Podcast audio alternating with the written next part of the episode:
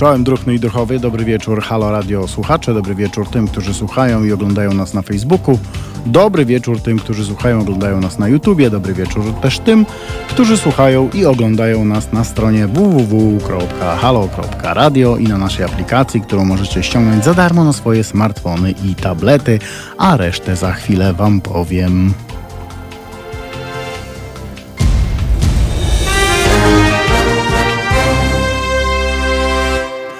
No więc też e, pozdrawiam tych, którzy nie lubią ciszy i chcą nas słuchać e, w całości wraz z muzyką na Mixcloudzie. No i oczywiście dobry wieczór też tym, którzy słuchają nas w podcastach, e, bo dzisiaj już śpią, bo jutro muszą iść do pracy, albo mają jakieś tam imprezy i mają w nosie słuchanie radia, chociaż naszego nie powinni mieć w nosie. Dobry wieczór wszystkim. Ja nazywam się Iwo Wuko, to jest program Halo Zbrodnia, oczywiście na antenie Halo Radio. Kto dzisiaj realizuje? Przedstaw się ładnie naszym słuchaczom. E, za sterami już od 13 Filip. Filip. Cześć Filipie. Filip dzisiaj jest e, Wyglądasz na człowieka, który jeszcze długo nie będzie szedł spać, więc jest no, taki. Myślę, że jeszcze kum, jakiś... wygląda, wygląda na kumatego gościa, więc możecie dzwonić 22 39 059 22. Nie ucieknie żaden telefon. Filip to wszystko kontroluje.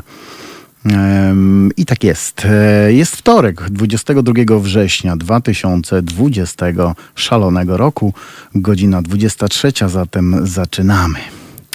Szanowni Państwo, w kinach pojawił się właśnie film zatytułowany 25 lat niewinności, sprawa Tomka Komendy. Film powstał na podstawie książki redaktora Grzegorza Głuszaka, związanego ze stacją TVN. E, sprawa filmu i książki, szanowni państwo, jest bardzo prosta. Mm, e, I film, i książka nie tylko nie mówią całej prawdy, ale wręcz ją przekłamują w moim mniemaniu. E, dlaczego? Na to pytanie wam nie odpowiem, bo nie chcę na nie odpowiadać. Myślę, że każdy z was powinien sam się nad tym zastanowić, wbrew albo w przeciwieństwie do tego, co redaktor Głuszak mi napisał na temat e, mojej książki. Ja zachęcam do przeczytania tej książki, do, przeczyta- do obejrzenia filmu i wyciągnięcia z tego wniosków, a potem albo przedtem przeczytania książki. E, sprawa Tomasza e, Komendy Ofiary Zbrodni. Wtedy sobie e, wyciągniecie wszystkie za i przeciw tego filmu, tego i tej książki 25 lat niewinności. Poczytajcie trochę starych artykułów, a ja wam tutaj opowiem, dlaczego w moim mniemaniu i w moim odczuciu i ten film, i ta książka to ściema. E, kiedy wyszła książka redaktora Głuszaka, dostałem zaproszenie na konferencję prasową z udziałem, z udziałem autora książki, z udziałem Tomasza Komendy oraz jego adwokata. Zadałem na tej konferencji kilka pytań, które okazały się niewygodne i dwa dni później zostałem zbombardowany obraźliwymi mailami, pod którymi podpisał się autor książki Grzegorz e, Głuszak. E, zadałem mu więc kilka pytań. Chciałem, by wyjaśnił mi, dlaczego w książce pojawiły się zdania, które nie pojawić, które pojawić się nie powinny. Starałem się zachować zimną krew, oczywiście i pełen profesjonalizm. Wydaje mi się, że mi się to udało. Redaktorowi Głuszakowi to jednak nie wyszło.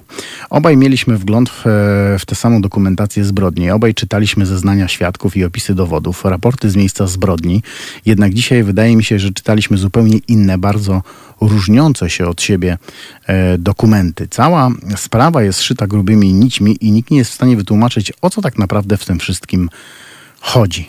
E, o sprawie Tomasza Komendy słyszało prawie 90% Polaków, że został niesłusznie skazany na 25 lat więzienia i po 18 latach pobytu w kryminale, oczyszczony z zarzutów i uwolniony ale to nie była w gruncie rzeczy sprawa komendy, lecz historia gwałtu i zabójstwa 15-letniej dziewczyny. Wiedza o szczegółach e, tego dramatu już nie jest taka mm, powszechna. Zbrodni dokonano w noc sylwestronową e, z 31 grudnia 96 roku na 1 stycznia 97 roku w dolnośląskiej miejscowości Miłoszyce koło Wrocławia. Z dzisiejszej perspektywy to oczywiście zamierzchłe czasy.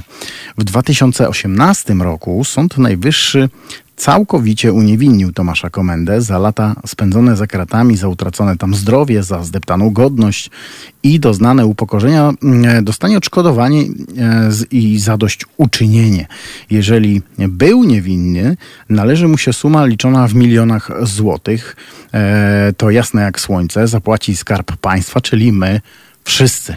Warto wiedzieć, e, za co płacimy. Za pomyłkę sądową, za błędy prokuratora i policjantów, czy może za celowe skierowanie śledztwa w niewłaściwą stronę. Wiele wskazuje, e, że tak właśnie mogło być. Oskarżono Tomasza Komendę, aby ochronić prawdziwych e, sprawców, choć... Choć ja mam jeszcze inną teorię, o której tutaj nie chciałbym teraz mówić, może kiedyś przy okazji. Jeśli jednak błędu nie popełniono, a taką możliwość też należy dopuścić, to rzecz robi się skomplikowana aż do bólu głowy. Kiedy 1 stycznia 1997 roku za stodołą należącą do rodziny R znaleziono obnażone zwłoki dziewczyny, w Miłoszycach zapadła mm, pełna przerażenia cisza. Ktoś powie, że zapanowała omerta, bo wszyscy przecież domyślali się, kto zabił, ale to być może tylko pozory, bo e, ciszę mógł wywołać zwykły ludzki strach. Po wielu latach udało mi się przełamać lęki e, mieszkańców Miłoszyc. Chodziłem od domu do domu i pytałem, zadawałem dziesiątki pytań. Chciałem wiedzieć, co naprawdę wydarzyło się w, ta, e, w tamtego Sylwestra. Otworzyłem z aptekarską dokładnością topografię. Sprawdziłem, kto z kim stał, szedł, rozmawiał, gdzie to było i o której godzinie. Kto tańczył z ową dziewczyną, która przyjechała do Miłoszyc z, pobliste, z pobliskiego miasteczka Jelcza Laskowice, e, aby powitać nowy rok w tamtejszej dyskotece. Z kim piła alkohol, ile tego alkoholu wypiła. E, wypiła go, wypiła go niewiele, ale pewnie za szybko. Ktoś wyprowadził ją na zewnątrz, e, panował siarczysty mróz, minus 16 stopni, a ona w cienkiej e, bluzce wymiotowała gdzieś pod drzewem, a potem chodziła wokół bez celu. Ktoś szedł obok, ktoś ją podtrzymywał, ktoś ją zaprowadził za stodołę rodziny R i tam dokonał rzeczy strasznej to nie była jedna osoba. Sprawców mogło być co najmniej dwóch, a nawet trzech, a być może więcej. Zostawili ślady, deptali po śniegu, rzucali niedopałki, byli absolutnie nieostrożni, ale śledczy nie potrafili, a może nie chcieli podjąć właściwego tropu. Po latach e, sprawdziłem wszystkie zaniedbane wcześniej wątki, uporządkowałem je i objaśniłem. Byłem wnikliwy i dociekliwy. To mogę wam powiedzieć z ręką na sercu. Początkowo można było doznać zawrotu głowy na widok listy postaci mających znaczenie dla sprawy zabójstwa Małgorzaty K. Dziesiątki osób, imiona, nazwiska, inicjały, a wkrótce zagubienie e, minęło i wyklarowała się mroczna, aczkolwiek e, ciekawa, ale e, bardzo klarowna historia bohaterów tamtej nocy, czy antybohaterów tamtej nocy. W moim śledztwie pojawił się policjant z Miłoszyc, jego e, dziwne uwikłania. Pojawiła się prokuratorka niebudząca zaufania, pojawił się ochroniarz z dyskoteki, pojawili się młodzi faceci, z których każdy mógł chcieć zadać się z, e, z Małgorzatą. Nie na dłużej, tylko na chwilę. Wiadomo, młoda krew nie woda. E, pojawili, pojawili się, pojawiły się całe rodziny z Miłoszyc, skryte za firankami. Widzą i wiedzą więcej więcej niż inni coś ukrywają. E, to krąg podejrzanych, szeroki i rozpływający się jak na tafli jeziora, a wciąż pytałem, dlaczego śledczy nie sprawdzili alibi tych ludzi, nie próbowali dociekać, co robili feralnej nocy, nie zbadali motywów. Sam to wreszcie uczyniłem, zbadałem jak pod lupą historię każdej postaci. Porównałem zeznania z akt sprawy z relacjami, które uzyskałem. E, rozmawiałem z ludźmi, wyciągnąłem wnioski, e, stawiałem pytania policjantom i prokuratorom, dociskałem i nie ustępowałem, kiedy próbowali mnie zbywać. Ta sprawa przygniotła mnie ilością osób i ich tajemnic. Potem, kiedy nabrała tempa, wciągnęła mnie i zassała, nie pozwoliła być absolutnie obojętnym. Oczywiście tropiłem zabójców i było bardzo blisko, ale książka szanownego pana Głuszaka wszystko zniszczyła. A e, film zatarł ślady bezpowrotnie, bo manipulacja opinią publiczną nie jest taka trudna wbrew pozorom. Wystarczy umiejętnie zagrać na emocjach. Zbrodnia dokonana w Miłoszycach wciąż nie została rozliczona. E, takich spraw jest w Polsce wiele. E, popełniono wiele sądowych pomyłek, w wyniku których niewinne osoby karano za czyny niepopełnione. Tak bowiem działa system sprawiedliwości, czasem wydający wyroki na ślepo, a nawet częściej niż czasem. Sprawa zabójstwa w Miłoszycach 15-latki z Jelcza Laskowic odżyła e, dwa lata temu, dwa lata temu, 2018, dwa lata temu na nowo, toczy się e, kolejne śledztwo, albo już się zakończyło, albo zakończy się lada dzień. E, stawiane są nowe zarzuty. E, tak jakby system chciał odrobić stare błędy jak najszybciej i pokazać, że prawda zatriumfuje. Ja jestem jednak sceptyczny. Stracono najważniejszy dla udanego śledztwa czas, pierwsze godziny i dni po zbrodni i tego nadrobić się już absolutnie nie da. Szanowni Państwo, to jest Halo Zbrodnia w Halo Radio, ale Halo Radio bez Was nie będzie istniało i to, to dobrze o tym wiecie. Mm, dlatego potrzebujemy Waszej pomocy, żeby to radio mogło dalej funkcjonować. E, wiem, że, że jest e, duże grono ludzi, którzy płacą na to radio, które, dzięki którym to radio może funkcjonować, rozwijać się i być jeszcze lepsze z dnia na dzień, z miesiąca na miesiąc, z roku na rok. Nie po to to radio powstało, żeby się zaraz zamknąć, dlatego pamiętajcie, i na YouTubie, i na Facebooku, i na Patronite, i na naszej stronie, tam wszędzie znajdziecie łatwy dostęp do informacji jak nam e, pomagać, a ja do tego e, bardzo zachęcam. E, my teraz sobie zrobimy krótką przerwę, zagramy cóż takiego, drogi Filipie? Zagramy Adventure of a Lifetime, Coldplaya. Rozumiem, że to twoja ulubiona piosenka. Mm, może nie do końca, ale Jedno też z... jest bardzo fajna. Dobra, i za chwilę wracamy. Słuchajcie, powtórki programu.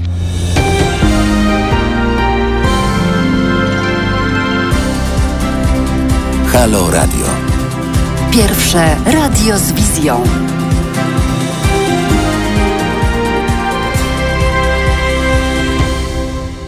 Dobry wieczór, 23.19 już. Halo Zbrodnia w Halo Radio. Dzisiaj mamy 22 września, jeszcze 22 września. Za chwilę się to zmieni.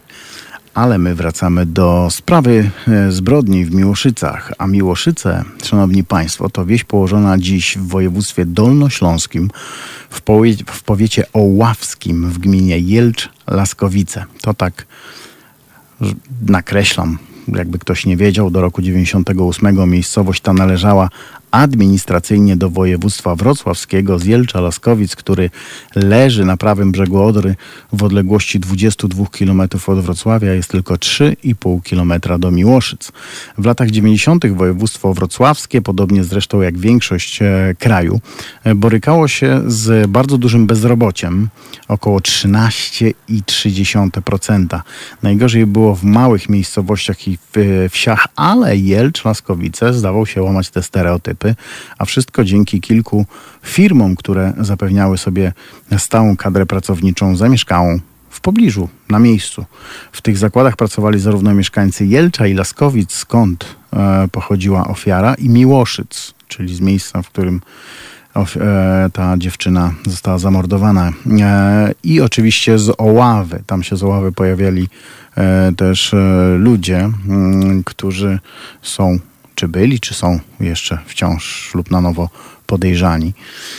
E, w tych główną, głównym pracodawcą e, w tych, tych Miłoszycach, Jelczu, Laskowicach e, były oczywiście jelczańskie zakłady samochodowe, ale sporo, sporo okolicznych mieszkańców zatrudniały też mniejsze firmy, jak choćby istniejąca od 1978 roku firma specjalizująca się w obróbce plastycznej metali.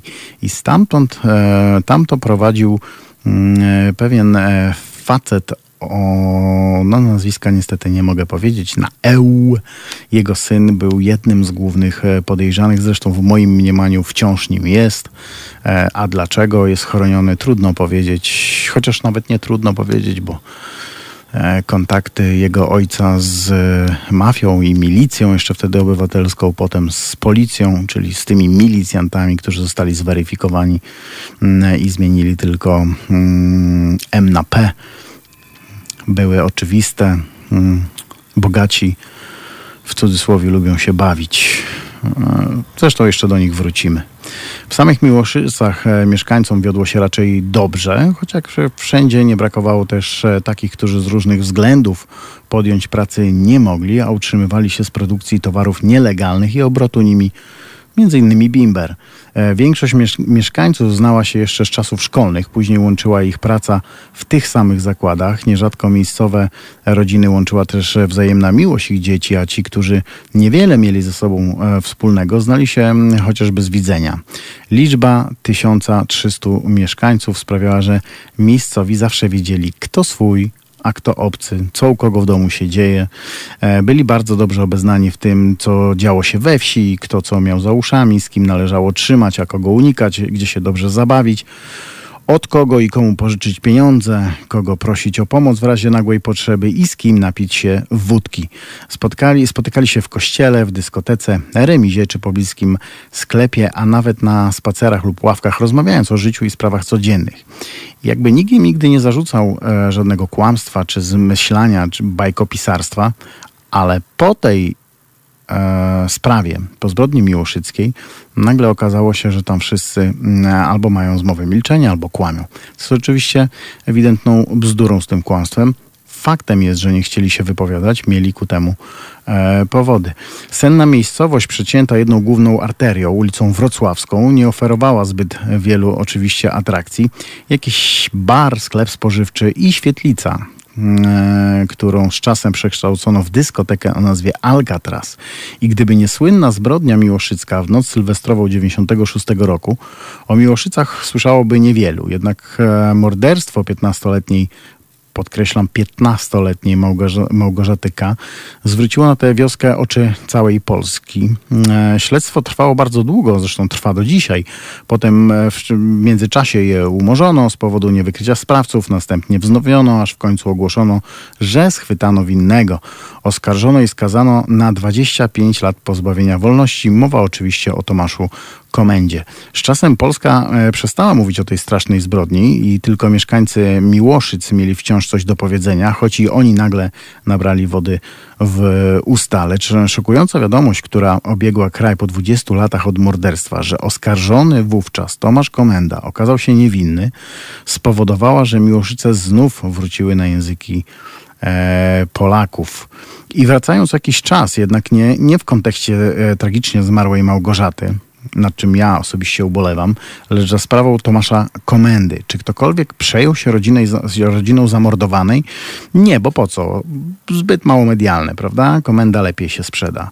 16 maja, dwa, i to nie chodzi o samego Komendę, to chodzi o, o człowieka, który był skazany i, i, i, nagle się okazało, że jest nie, niewinny. To się lepiej sprzedaje niż ofiara, która nie może się wypowiedzieć, rodzice, którzy cudem albo jakimś tam niezwykłym e, zrządzeniem losu nie mają głosu, choć powinni go mieć.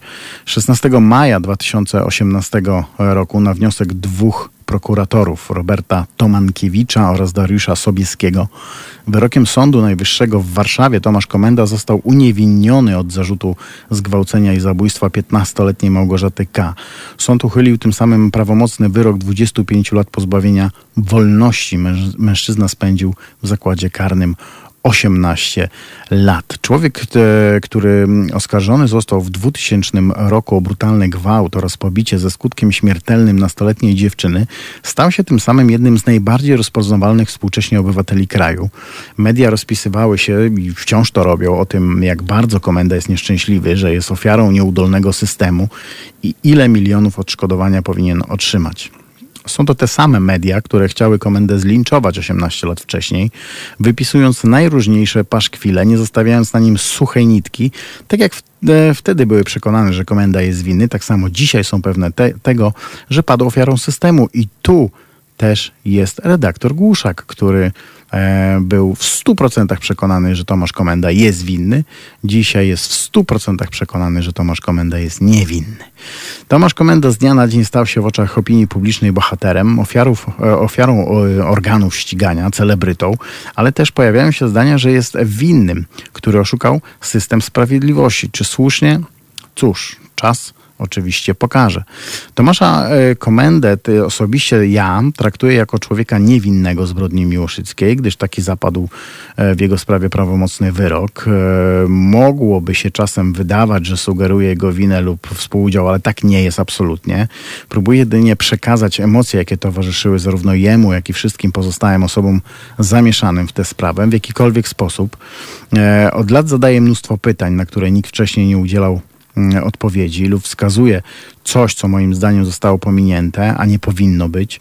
Mogło, mogło to być, mogą, mogły, mogą to być wątki lub fakty niewygodne, drażniące, a nawet prowokujące, ale proszę pamiętać, że ta sprawa wciąż się toczy i w każdej chwili może przybrać niespodziewany e, obrót. Na co oczywiście liczę.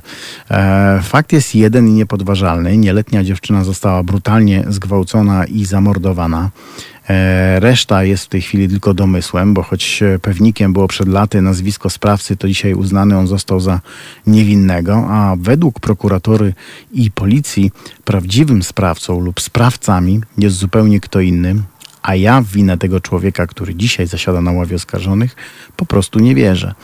E, był 31 grudnia 1996 roku. 15-letnia Małgorzata K., mieszkająca w Jelczu, Laskowicach, poprosiła rodziców o pozwolenie na przywitanie Nowego Roku ze znajomymi w Miłoszycach. Rodzice początkowo byli oczywiście niechętni, lecz w końcu się e, zgodzili.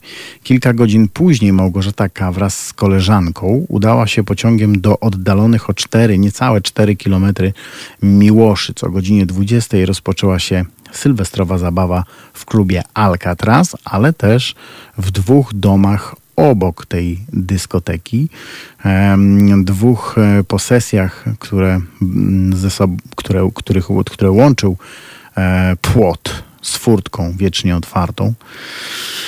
E, I z moich nawet z mojego śledztwa wynika, że Małgorzata K. była w jednym z tych domów. Małgorzata K. dość szybko się upiła, co wiązało się z częstym wychodzeniem z lokalu. Świadkowie zeznali, że dziewczyna wielokrotnie wymiotowała tego wieczoru. Oparciem w tej sytuacji był dla niej Krzysztof K., to bardzo ważne imię i nazwiska, no niestety nie mogę podać. Krzysztof K. Młody, przystojny blondyn, jak go opisywali mieszkaniec Miłoszyc, który nie odstępował jej na krok przez całą noc. Koleżanki nastolatki mówiły później, że Małgosia trzymała się cały wieczór blisko Krzyśka.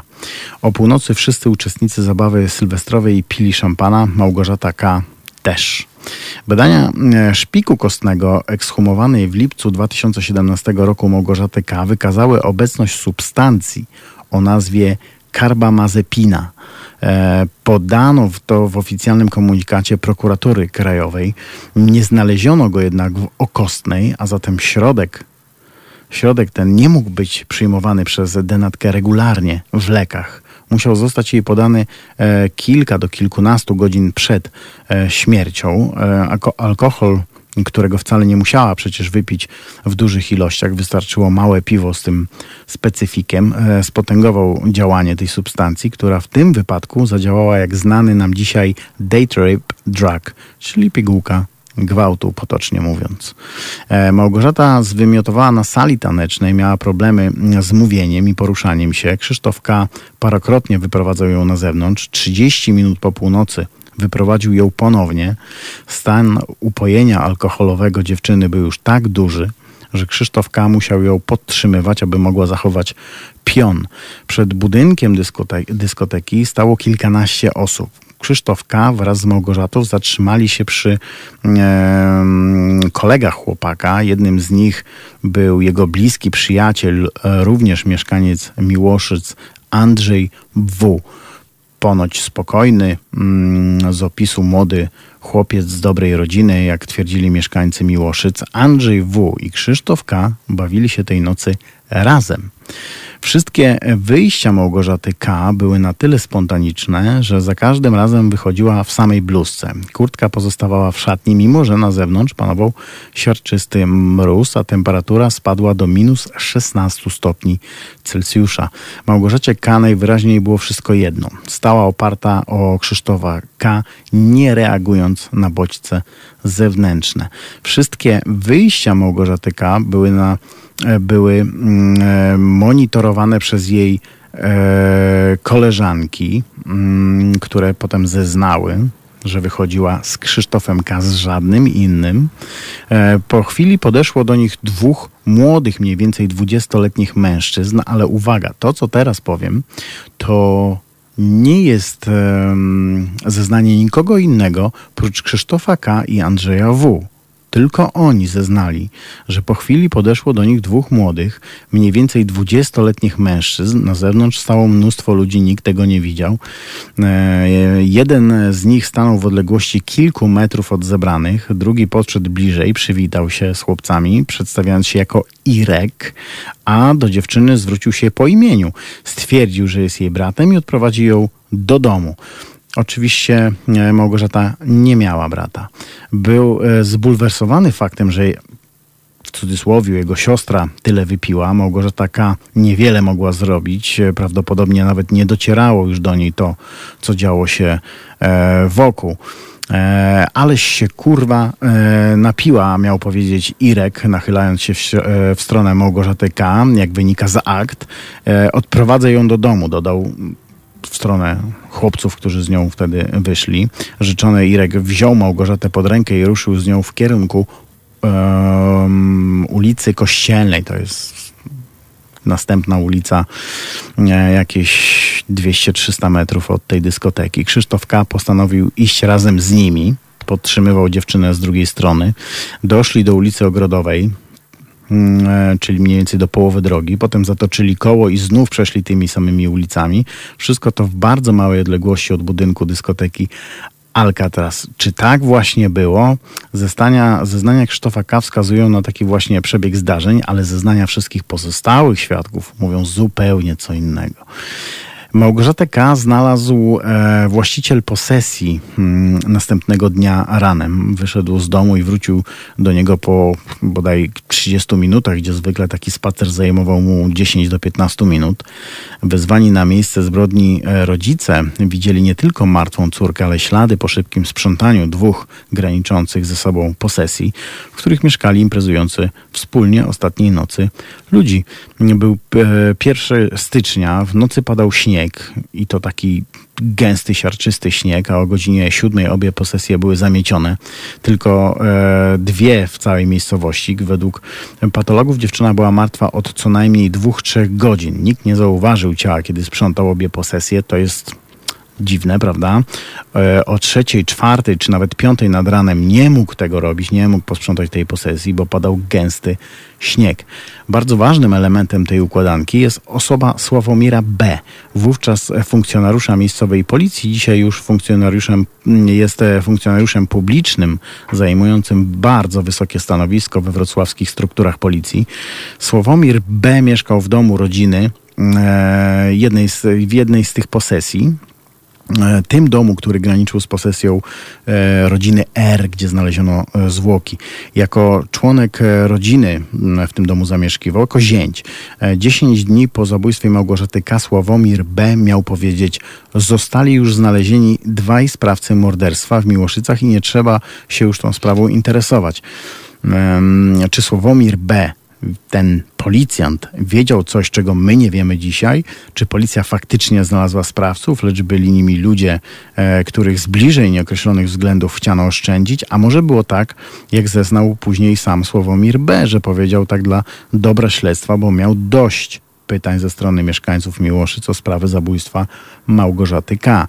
Doniesienie w tej sprawie wpłynęło incognito od kobiety, która osobiście słyszała słowa policjanta Sławomir B. został co prawda przesłuchany i przyznał, że mógł coś takiego powiedzieć, lecz nie po to, aby sprawę wyciszyć, a dlatego, że był już zmęczony ciągłymi pytaniami o przebieg e, śledztwa. Czy mógł być zmęczony po 10 dniach? Czy policjant miał prawo w ogóle coś takiego powiedzieć? Pytanie zapytane przeze mnie Biuro Prasowe Komendy Stołecznej Policji w Warszawie twierdzi, że owszem, policjant mógł wręcz okłamać pytających go o sprawę mieszkańców Miłoszyc po to, aby uśpić czujność prawdziwego przestępcy. To, że policjant się tą sprawą oficjalnie nie zajmował, nie oznacza, że nie mógł prowadzić śledztwa na własną rękę.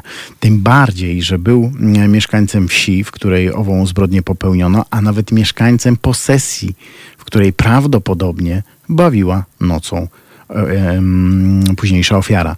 E, brzmi całkiem sensownie, prawda? E, pod warunkiem, że swoje zachowanie ów policjant wyjaśniłby w taki sam sposób, jak rzecznik prasowy policji, a nie tym, że był zmęczony ciągłymi pytaniami e, o sprawę. W jego zeznaniach jest jednak pewna nieścisłość. Twierdzi on, że mógł coś takiego powiedzieć na sali gimnastycznej szkoły podstawowej w Miłoszycach, gdzie wraz z innymi e, mężczyznami grywał w siatkówkę. Jednak anonim mówił wyraźnie o tym, że kobieta słyszała na własne uszy, jak Słowomir B twierdził, że ma wiadomości z pierwszej ręki. Czy zatem prócz kolegów z boiska komuś jeszcze mówił coś podobnego? Ten sam anonim wspomina również o tym, o tym że Sławomir B. miał skaleczenia na dłoniach, szyi i twarzy, które wyglądały na e, zadrapania w dniu, kiedy miał mówić o dwóch schwytanych sprawcach, czyli 10 dni po zabójstwie. Z tego e, również policjant się e, wytłumaczył. W swoim notesie miał zapisane, iż jest to efekt szarpaniny z oficerami Wojska Polskiego, których próbował zatrzymać w trakcie jednej z interwencji. Ponoć żołnierze ci chcieli ukraść piwo, taka bieda w naszym wojsku.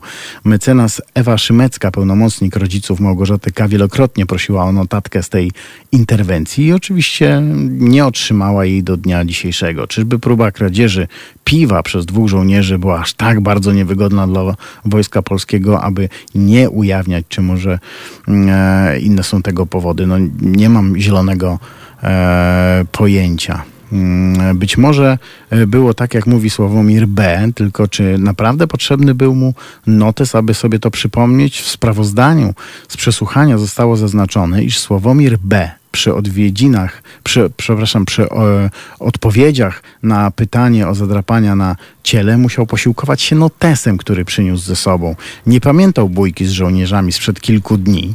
Sprawdzał zapisy w notesie, ale pamiętał ze szczegółami Sylwestra sprzed 10 dni, który odbył się nieco przecież wcześniej i zakrapiany był alkoholem. Tego w notesie nie opisał, przynajmniej nie wspomina o tym raport z przesłuchania. Gdzie i jak spędził Sylwestra, pamiętał bez najmniejszych problemów, zeznając, że świętował go w Kędzierzynie Koźlu. Na dowód tego przedstawił zdjęcia z tej imprezy. Według niepotwierdzonych, lecz uzyskanych ze źródła bliskiego sprawie informacji wiem, że dziennikarka Jolanta Krysowata, która była wtedy mocno w tę sprawę zaangażowana i chyba wiedziała o tej sprawie najwięcej, pojechała do tej szkoły, w której odbywała się impreza sylwestrowa i w której miał ów bal się odbywać. Pokazała tam zdjęcie Sławomira B. i uzyskała informację, że okej, okay, być może ten facet był na imprezie, trudno powiedzieć, bo imprezowiczów było wielu, ale wystrój sali ze zdjęcia jest Sylwestra w 95, a nie w 96 roku. Czy ktoś tę informację wykorzystał? Czy Sławomir B. został znów poproszony o sprostowanie? Nie, nic takiego nie miało miejsca. Przynajmniej do takiej informacji nie udało się dotrzeć. Sławomir B. miał alibi, świadków, którzy zeznawali jak jeden mąż oczywiście, co, jak, kiedy, gdzie i o której. Ich zeznania wyglądają według dziennikarzy jak kopiuj w klej. E, zadziwiające jest również to, jak e, dobrze wszyscy wszystko pamiętają, mimo iż spożywali duże ilości e, alkoholu. Świadkami byli członkowie rodziny i znajomi. Mimo to zostali uznani za oczywiście wiarygodnych. Co, proszę Państwa, nie miało miejsca u Tomasza Komendy, bo Tomasz Komenda oficjalnie również spędzał e, Sylwestra e, z dala od tego miejsca, czyli w, w mieszkaniu bodaj swoim czy, czy, czy swojej, swoich rodziców. I tam było mnóstwo świadków, rodzina i przyjaciele, którzy zeznawali, ale ich zeznania nie zostały e, uznane za wiarygodne, bo przecież rodzina i znajomi zawsze będą zeznawać na korzyść e, Tomasza Komendy, prawda? A tu w tym e, przypadku Sławomir B. mógł liczyć na to, że e, świadkowie, czyli rodzina i znajomi, będą uznani za wiarygodnych. Na pierwszy rzut oka to przecież nic dziwnego, ale proszę zwrócić uwagę na to, że kilka lat później w podobnej sytuacji znajdzie się Tomasz Komenda i jak mówiłem przed chwileczką, nie będzie miał takich możliwości na taką obronę, co mogło mu uratować Dubsko. Nie poszedłby siedzieć do e, Pierla, gdyby e, zeznania rodziny i e, znajomych zostały uznane za wiarygodne. Aba miał przecież alibi. Nic z tych rzeczy. On też będzie miał wielu świadków e, w, w, sprawie z rodziny i spośród bliskich znajomych. Ci zostaną uznani za niewiarygodnych z powodu zbyt dużej zażyłości i bliskości, czego nie miało zastosowania u tego policjanta. Jest coś jeszcze. Na ciele zamordowanej nastolatki śledczy znaleźli odcisk buta, kto się kopał. Ten ślad powstał po bucie męskim, ciężkim, podobnym do buta policyjnego lub wojskowego i tak to zostało zapisane. E, za chwilę wrócimy e, razem z Filipem. Dobrze pamiętam twoje imię, Filip. E, razem z Filipem wrócimy e, ze sprawą zbrodni miłoszyckiej, a teraz zagramy, drogi Filipie, cóż? E, Shape of my heart. O, to to musi być już twoja ulubiona piosenka. Mm, zbliżamy się powoli. A, do, no dobra, dobra. To gramy. To jest powtórka programu. Halo Radio.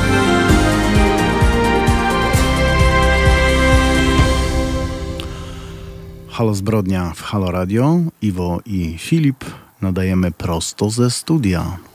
23.48, jeśli dobrze widzę. Mm, ciągle jeszcze jest ten sam dzień 22 września, a my mówimy o zbrodni miłoszyckiej. A więc, szanowni państwo, krótko po odnalezieniu zwłok mm, dziewczyny powołani zostali biegli eksperci z dziedziny medycyny sądowej, których zdaniem zadaniem było wyizolowanie materiałów DNA z dowodów znalezionych na miejscu zbrodni, do czego wrócę e, być może nieco później. Tutaj chciałbym powiedzieć, że tych, e, ta rozmowa o zbrodni miłoszyckiej przeciągnie się na e, jeszcze przyszły tydzień. Tam wam powiem, dlaczego Tomasz Komenda został aresztowany, jak został aresztowany, jakie zarzuty mu postawiono i co zeznał Tomasz Komenda i jak to się ma z jego uwolnieniem i skąd pomysł na to, żeby Tomasz Komenda był brany pod uwagę jako sprawca.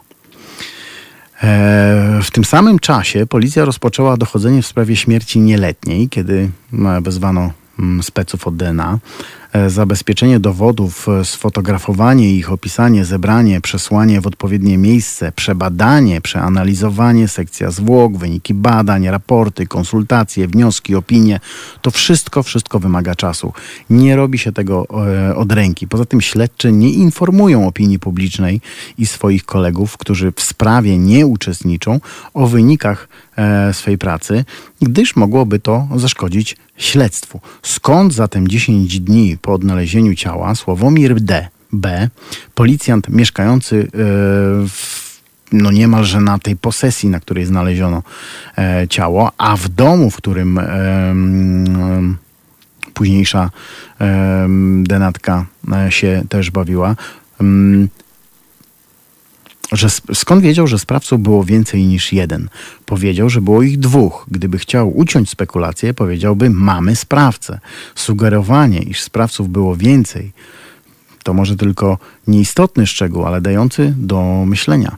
Sprawcy ci jednak e, zniknęli oczywiście. Pojawiła się pustka, której nikt nie potrafił lub nie chciał zapełnić. E, umówmy się, że zabawa w policjantów i przestępców jest swego rodzaju grą logiczno-strategiczną. Coś jak e, gra w szachy. Kto popełni błąd, ten przegrywa. A graliście kiedyś w szachy z pijanym przeciwnikiem? Ujmę to może inaczej. Nawet najlepiej zaplanowana zbrodnia nie będzie zbrodnią doskonałą. Takie, takie po prostu nie istnieją. Tym bardziej wtedy, gdy grupa pijanych i naćpanych zwyrodnialców dokonuje zbrodni pod wpływem impulsu. E, wyłapanie ich wszystkich powinno być kwestią oczywiście czasu, ale czas płynął nieubłagania, a sprawców nie było. A może byli, tylko ktoś ich e, bronił. Mm, sprawa już na początku mogłaby się wydawać z pozoru prosta do rozwiązania, tym bardziej, że Krzysztof K., e, czyli chłopak, który mm, kręcił się e, przez całą noc wokół Małgorzaty, przyznał się do gwałtu i zamordowania dziewczyny na pierwszym przesłuchaniu. Uczynił to jeszcze później co najmniej dwa razy. 6 listopada 1997 roku zeznał, że zgwałcił Małgorzatę a po odbytym niepełnym stosunku przeniósł ją pod stodołę. Pod koniec tych zeznań powiedział, że jednak po głębszym zastanowieniu stwierdza, że on to wszystko wymyślił i że Małgorzaty K. nie zgwałcił i nie pobił. Zresztą e, Krzysztof K. mówił dużo i nic z tego nie trzymało się kupy. Najpierw twierdził, że to on jest sprawcą, ale szybko zeznania odwołał, potem, że zostawił Małgorzatę K. przed klubem z dwoma młodymi mężczyznami, z których jeden miał podawać się za brata dziewczyny, a później zeznał, że szedł jakiś czas z Małgosią i jednym z tych mężczyzn, a dopiero po dłuższej chwili miał ich zostawić samych. W końcu przyznał się do gwałtu ponownie i zabójstwa, e, czyli po raz kolejny, ale zaraz e, znów odwołał zeznania. E, własnoręcznie nawet nakreślił też szkic posesji oraz co i gdzie na niej zaszło. Jego rysunek był niemal identyczny z rysunkiem technika policyjnego. I co? I facet został uznany za wariata, tylko dlatego, że się rozpłakał w, w sądzie na oficjalnych zeznaniach. Dano mu łatę e, czubka i od sprawy go odsunięto. Sprytnie, prawda? Ale to ten człowiek powiedział, że podszedł do nich domniemany brat Małgorzaty, przedstawił się jako Irek. I tylko na podstawie tej informacji Ireneusz M. zasiada dzisiaj na ławie oskarżonych. Był oczywiście na imprezie, nawet rower swój zostawił i alkohol na posesji, ale z całkiem z drugiej strony, a świadkowie, którzy go widzieli, twierdzili, że nigdy w, w, w ciągu całej tej nocy nie wszedł na tą posesję dalej niż dwa kroki. Nawet po imprezie wszyscy weszli do ludzie, którzy wchodzili na, na, te, na tę zobaczyli ciało dziewczyny. Tam nie było tego ciała jeszcze o godzinie czwartej. A ponoć Tomasz Komenda pojawił się tam o godzinie piątej, ale to w następnym wejść w następnym tygodniu, wam powiem. Odwołując zeznania, tłumaczył, e, mowa oczywiście o panu Krzysztofie K., że ją zabił, bo bał się iść do e, więzienia za gwałt. Zazwyczaj jest tak, że ludzie w strachu przed odsiadką nie przyznają się do winy. U Krzysztofa K. było odwrotnie. Oskarżał policjantów o to, że był bity i zmuszana, zmuszany do zeznania nieprawdy. Obdukcji oczywiście nie ma, ale ten sam policjant miał ponoć bić później e, Tomasza Komendę. Podczas konfrontacji z rodzicami Małgorzaty Krzysztof K. rozpłakał się, stwierdził, że przyznał się do winy e, tak dla jaj, to są jego słowa, e, co potwierdzają m.in. mecenas e, Szymecka i ojciec e, Małgorzaty K. Taki zapis figuruje też w skardze pana K. do sądu o, na opieszałość prokuratora. Mm, e, Dzisiaj nie chce z nikim e, Krzysztof K. na ten temat rozmawiać. Biegli psycholodzy orzekli, że Krzysztof K. to typ człowieka, który pod wpływem silnego strachu jest w stanie udzielić takich odpowiedzi, jakich się od niego oczekuje. Wydaje mi się, że e, nie jeden człowiek tak ma. Z rozmów z więźniami, których spotykam na swoich spotkaniach autorskich, wynika, że większość przyznała się do popełnienia przestępstwa, bo takim kazano. Jedni twierdzą, że byli bici, inni, że otrzymali dzięki temu łagodniejszy wyrok, a jeszcze inni, że tak dla jaj. E, zatem opinia biegłych co do Krzysztofa K. nie wydaje się niczym szczególnym. E, Tomasz Komenda również narzekał, że był bity i zmuszany do zeznań, a mimo e, to nikt mu podobnej opinii nie, nie, opinii nie wystawił, a przecież Tomasz Komenda również się rozpłakał na, podczas zeznań, również płakał w czasie e, przesłuchania przez sąd i w czasie rozprawy. No i niestety nikt mu nie, nie dał łatki wariata i Tomasz Komenda skończył jak skończył. Mm, e, policja e, celowała w różnych podejrzanych. Nikogo nie udało się wsadzić ani za kraty, ani na minę przez dłuższy czas, ale ci, którzy e, wytykani byli przez mieszkańców i wskazywani jako potencjalni sprawcy, ewidentnie byli chronieni. Nawet jeśli się przyznali, to wmawiano im, że są niepoczytalni. Inni wyjechali i nikt ich niepokoi do dzisiaj. Rozmawiałem z tymi, których ja uważam za sprawców. Jeden z nich obiecał mi napisać oświadczenie, w ostatniej chwili się wycofał. E, drugi obiecał, że opowie mi o wszystkim, miesiąc później zmarł. E, trzeci wyjechał i ślad po nim zaginął. E, są też e, inni, jak choćby właśnie rzeczony Krzysztof K., ale ten ma szerokie plecy i jest nietykalny, a ostatnio nawet niedostępny. 2 stycznia Katarzyna R., czyli mieszkanka posesji E, na której znaleziono e, ciało zamordowanej e, dziewczyny, wybrała się do koleżanki, która mieszkała kilka ulic dalej za dyskoteką Alcatraz. Rozmawiały o tym, co wydarzyło się poprzedniej nocy. Mm, zasiedziała się i bojąc się sama wracać po nocy do domu, zadzwoniła po kolegę, prosząc go, aby po nią przyszedł. Kiedy wracali do domu, to było niedaleko, 200-300 metrów, nadjechało białe Audi. Takim samochodem lub podobnym jeździł wówczas brat Tomasza Komendy, Gerard K., o czym Tomasz mówił na przesłuchaniu kilka lat później. Katarzyna Ertak relacjonowała rozmowę. W pewnym momencie samochód się zatrzymał i zostały otworzone dwa okna od kierowcy i z tylnych e, drzwi po tej samej stronie. Ten, co siedział od strony kierowcy na tylnym siedzeniu, zapytał mnie i mojego kolegę, gdzie tutaj są balety. Nie ma dzisiaj dyskoteki, odpowiedziała Katarzyna R. Dlaczego? dopytywał pasażer Audi, bo y, jakąś dziewczynę tu znaleźli. Za ten gwałt? Tak. E, I wtedy ja się schyliłam, chcąc zobaczyć, kto siedzi wewnątrz samochodu, ponieważ w środku w samochodzie było zapalone światło. Co się kurwa patrzysz? Rzucił e, pasażer Audi. E, ty, a ta dziewczyna była zajebana czy żywa? Takie padło z samochodu pytanie w kierunku tej dziewczyny. Ja na to jego pytanie nic nie odpowiedziałam. On ponownie pytał, ona była zajebana czy y, żywa.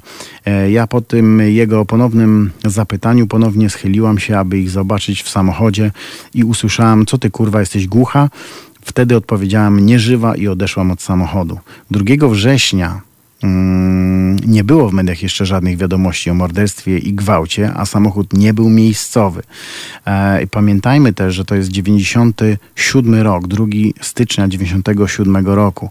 Kto pamięta, kto w tamtym czasie był człowiekiem już na tyle dorosłym, że pamięta, jak wyglądały telefony komórkowe i czy w ogóle były, na kogo było, kogo było na nie stać, to wam od razu odpowiadam, że e, niewiele osób miało telefony komórkowe, nie wspominając już o tabletach, internetach, komputerach czy wiadomościach internetowych. Byliśmy w czarnej dupie e, medialnej i te wszystkie informacje rozchodziły się dużo, dużo wolniej niż zazwyczaj, ale resztę opowiem Wam za chwilę, bo teraz musimy zagrać coś. To jest powtórka programu.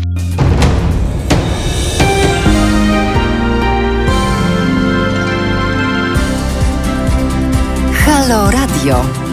Pierwsze radio z wizją.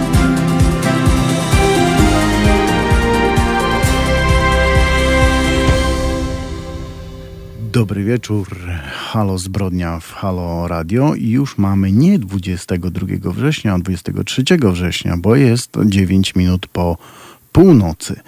E, rozmawiamy dzisiaj o sprawie zbrodni miłoszyckiej. Mm, tutaj widzę, że się udzielacie bardzo fajnie, bardzo mnie to cieszy, że ktoś słucha w ogóle te, tego programu. Jacek Laśko, dziś tutaj miałem, napisał, a jeśli to nie była zbrodnia pod wpływem impulsu, to znaczy ofiara mogła być przypadkowa, ale sprawcy idąc na imprezę mieli zamiar dokonać gwałtu, w końcu zabrali sobą pigułki gwałtu i mieli plan. Zgadza się, e, ale w tamtych czasach akurat to nie były pigułki gwałtu, bo wtedy takich nie było, to był e, lek ten lek, właśnie, dobrze, że poruszyłeś ten temat. E, za chwilę powiem o pewnej e, kobiecie mm, i jej synu, i tam pojawiały się te e, leki. One były na receptę, ale jak rozmawiałem z, mm, z ludźmi, którzy w tamtych czasach pracowali w aptekach czy lekarzach, każdy, kto wszedł do lekarza i powiedział, że takich potrzebuje takie piguły, zawsze dostawał. Zresztą to był handel na wielką e, skalę. Ale takich piguł używali zazwyczaj e, nie, nie szarzy ludzie. To byli wtedy bardzo mocno rządziła mm, miastem e, mafia. Oni wiedzieli, który drag na co jest najlepszy.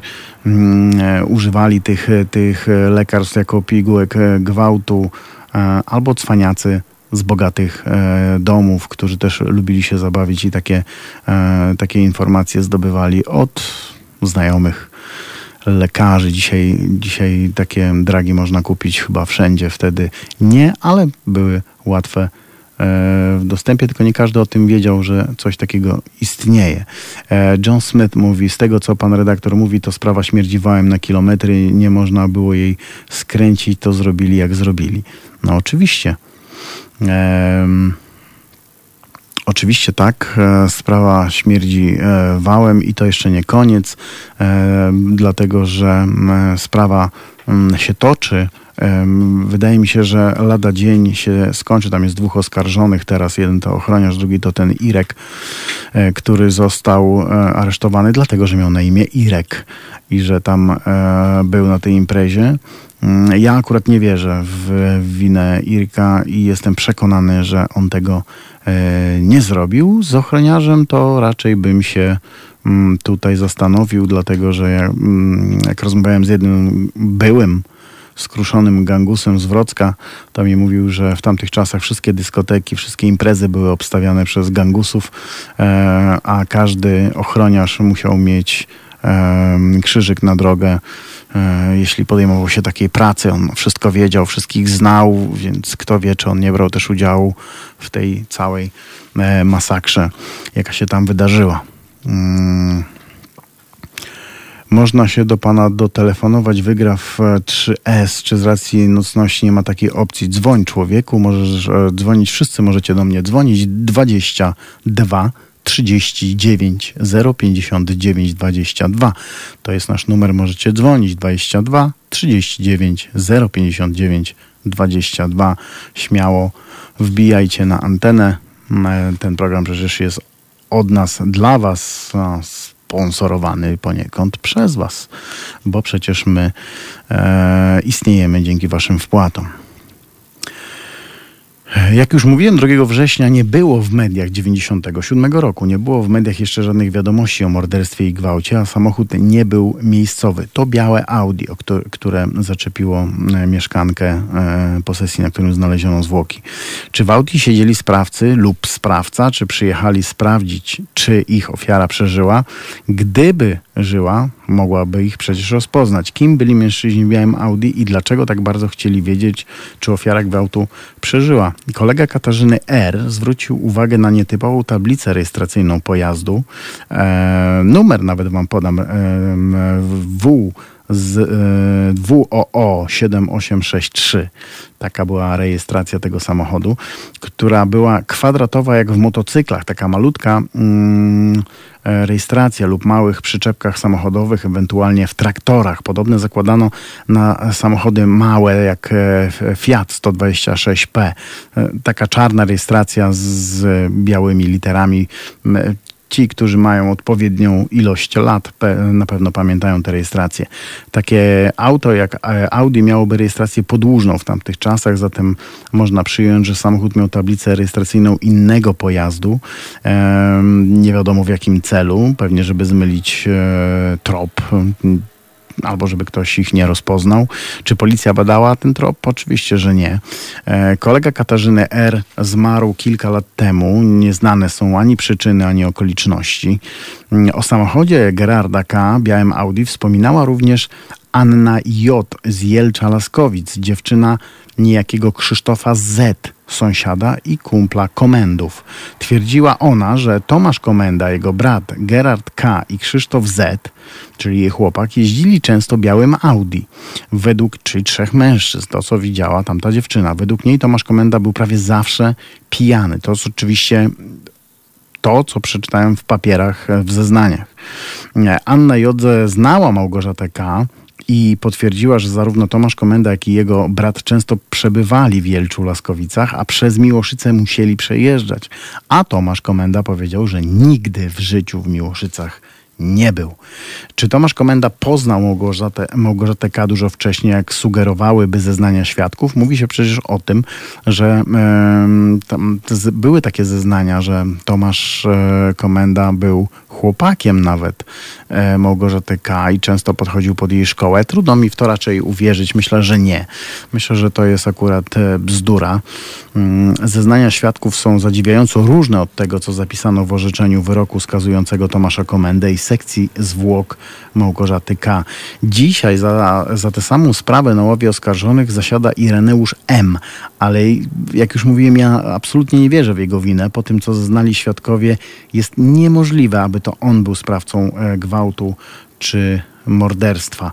E, za co ma przesrane ten gość? Za to, że był na dyskotece, za to, że ma Irek na imię, a te imię padło w pierwszej fazie śledztwa z ust tego, który później przyznał się do winy trzy razy i trzy razy zeznania swoje odwołał i za to, że odsiaduje już wyrok gwałtu, choć wcale nikogo oczywiście nie zgwałcił, a sprawę założyła mu konkubina, która nakryła go na e, zdradzie, tam chodziło jakieś pieniądze, bla, bla, bla. Takie e, pierdoły, ale fakt faktem jest, że facet ma przekichane. E, policji umknął jednak fakt, że na dyskotece był jeszcze jeden młody mężczyzna o imieniu Irek i tutaj Jacek Laśko, e, to jest to, co ty pisałeś, e, Mało tego, jego matka e, twierdzi po dziś dzień, że została uprowadzona przez wrocławskich policjantów. Była bita, grożono jej gwałtem, a nawet śmiercią. To samo zeznał ochroniarz, który dzisiaj siedzi na ławie oskarżonych, mm, e, że został porwany, że mu grożono, że sprawcami są e, policjanci. Bzdura, totalna bzdura. Nigdy nic takiego nie miało miejsca. Ta kobieta nie została porwana, ochroniarz również nie został porwany, mm, nikt mu nie groził śmiercią. To wszystko jest wyssane z palca. A dlaczego? A dlatego, że syn e, tej owej e, pani ma na imię e, Irek i był na dyskotece. Być może. Hmm, coś jest na rzeczy. Tylko te dwie osoby próbowały nakierować śledczych na fałszywy e, trop. Kobieta twierdzi, że jej syn nie był obecny na dyskotece, ale inni świadkowie twierdzą, że i owszem. Czy kobieta chroni syna, który wraz z ochroniarzem dokonał tej zbrodni? Być może. Pytanie tylko, dlaczego jej syn nie zasiadł na ławie oskarżonych jako trzeci potencjalny sprawca? Dlaczego ta kobieta nie została pociągnięta do odpowiedzialności za e, kłamstwa i e, próbę storpedowania śledztwa oraz za fałszywe zeznania i oskarżenia. To, to też może e, dziwić. A ja mam tutaj telefon, więc e, kto do nas zadzwonił? Dobry wieczór, jak masz na imię? Dobry wieczór, Olgier z Warszawy, z tej strony. Cześć, Olgier z Warszawy. E, mam takie pytanie do ciebie, e, bo jak domyślam się, jesteś niezwykle biegły w tych kwestiach sądowo-karnych, etc. E, jest taki mechanizm, to się nazywa wariograf, tak zwany wykrywacz kłamstw i w 97 roku, jak mnie mam, było na wyposażeniu kilku trzyliterowych organizacji w tym kraju. Mhm. I ciekaw jestem, czy był on wykorzystywany. Zdaję sobie sprawę, że tak jak w amerykańskich filmach, on nie jest e, stuprocentowo wiarygodny, ale daje pogląd e, prokuraturze, czy w tym przypadku sędziemu mhm. o wiarygodności, tudzież braku wiarygodności z świadka. I jak często on jest, był w tej, w innych sprawach według Twojej wiedzy używany? Bo wydaje mi się, że za rzadko z niego korzystamy, korzystaliśmy. E, to jest bardzo dobre pytanie, bo akurat w tej sprawie mm, był używany, był używany nawet przy Krzysztofie K., który przyznał się trzykrotnie do e, zabójstwa i trzykrotnie odwoływał swoje zeznania. Wariograf e, wykazał, że mm, kiedy mówił kiedy przyznawał się do zabójstwa, mówił prawdę, kiedy, się, kiedy odwoływał kłamał. Mimo wszystko e, uznano go za niezdolnego do zeznawań, chorego poniekąd psychicznie e, w jakimś tam stopniu i te, mm, ten wariograf, czy ta, ten dowód e, jaki stanowił zapis wari- wariografu, został odrzucony. Z Tomaszem e, Komendą, e, u Tomasza Komendy chyba też stosowano wariograf i u Tomasza Komendy wykazało, że mówił prawdę, że tego nie zrobił. E, tylko, że wiesz, to też jest kwestia tego, jak, jakie pytania zostają ci zadane, prawda? Bo mog, mogli, mogli go zapytać, czy to zrobił, a mogli go zapytać, czy tam był, albo czy widział, albo czy wie. Takie pytania nie padały. Jeśli padało jakiekolwiek pytanie, to czy to zrobił. E, I z tego, co kojarzę, mogę się teraz mylić, wiesz, ale wydaje mi się, że, e, że był ten wariograf u Tomka Komendy i że e, wykazał, że Tomasz Komenda mówi prawdę, a co, co nie wykazało u innych. Oczywiście policjant, który mieszkał tam, nie zgodził się na wariograf. Wielu, wiele osób nie zgodziło się na ten wariograf. Nawet ten, który dzisiaj jest oskarżony, Ireneusz M., był na wariografie. Wariograf wykazał, że mówi prawdę, że tego nie zrobił, że nie wie, kto zrobił i że nie był przy tym, a mimo wszystko albo już został skazany, albo zostanie skazany lada dzień. Ale Urocza formuła z niezgodzeniem się na badanie wariografem. Można, można bić książką telefoniczną, tak? Aha. Ale nie można, można nie skorzystać z wariografu. Dosyć taka ciekawy wybieg, tak? No zresztą bardzo fajnie lobbowany w amerykańskim kinie, szczególnie przez zapewne lobby adwokackie, tak? No bo przy zastosowaniu regularnym e, wariografów, tak? No e, osoby, sędziów, prokuratorów, adwokatów nie byłyby potrzebne, tak? Trzeba by było tylko, udało nam się dolecieć na, na Marsa, albo niedługo nam się uda, to na pewno można to poprawić, a nie można zakładać, że każda osoba to jest nauczony oficer służb specjalnych, który umie okłamać tenże wariograf, tak? Wiesz co, Jakiś rozmawiałem kiedyś- bramkarz czy taksiarz. Tak, dokładnie. Rozmawiałem kiedyś z człowiekiem, który taki wariograf obsługuje i według e, jego wiedzy, e, to też może być zboczenie zawodowe, ale on twierdzi, że na 99% wariograf jest skuteczny. Nawet to, co pokazują w filmach, że agenci potrafią okłamać, e, Jason Bourne czy ktokolwiek inny potrafi okłamać wariograf, jest to cholerne, cholernie trudno coś takiego zrobić, bo tam padają konkretne pytania, a to jest mierzone i tętno, i bicie serca, i mnóstwo innych rzeczy wariograf wykrywa, które są minimalne zmiany. Więc wydanie, e, zadanie konkretnego pytania, które poruszy twoje, dajmy w cudzysłowie na to, sumienie, bardzo łatwo to wykaże.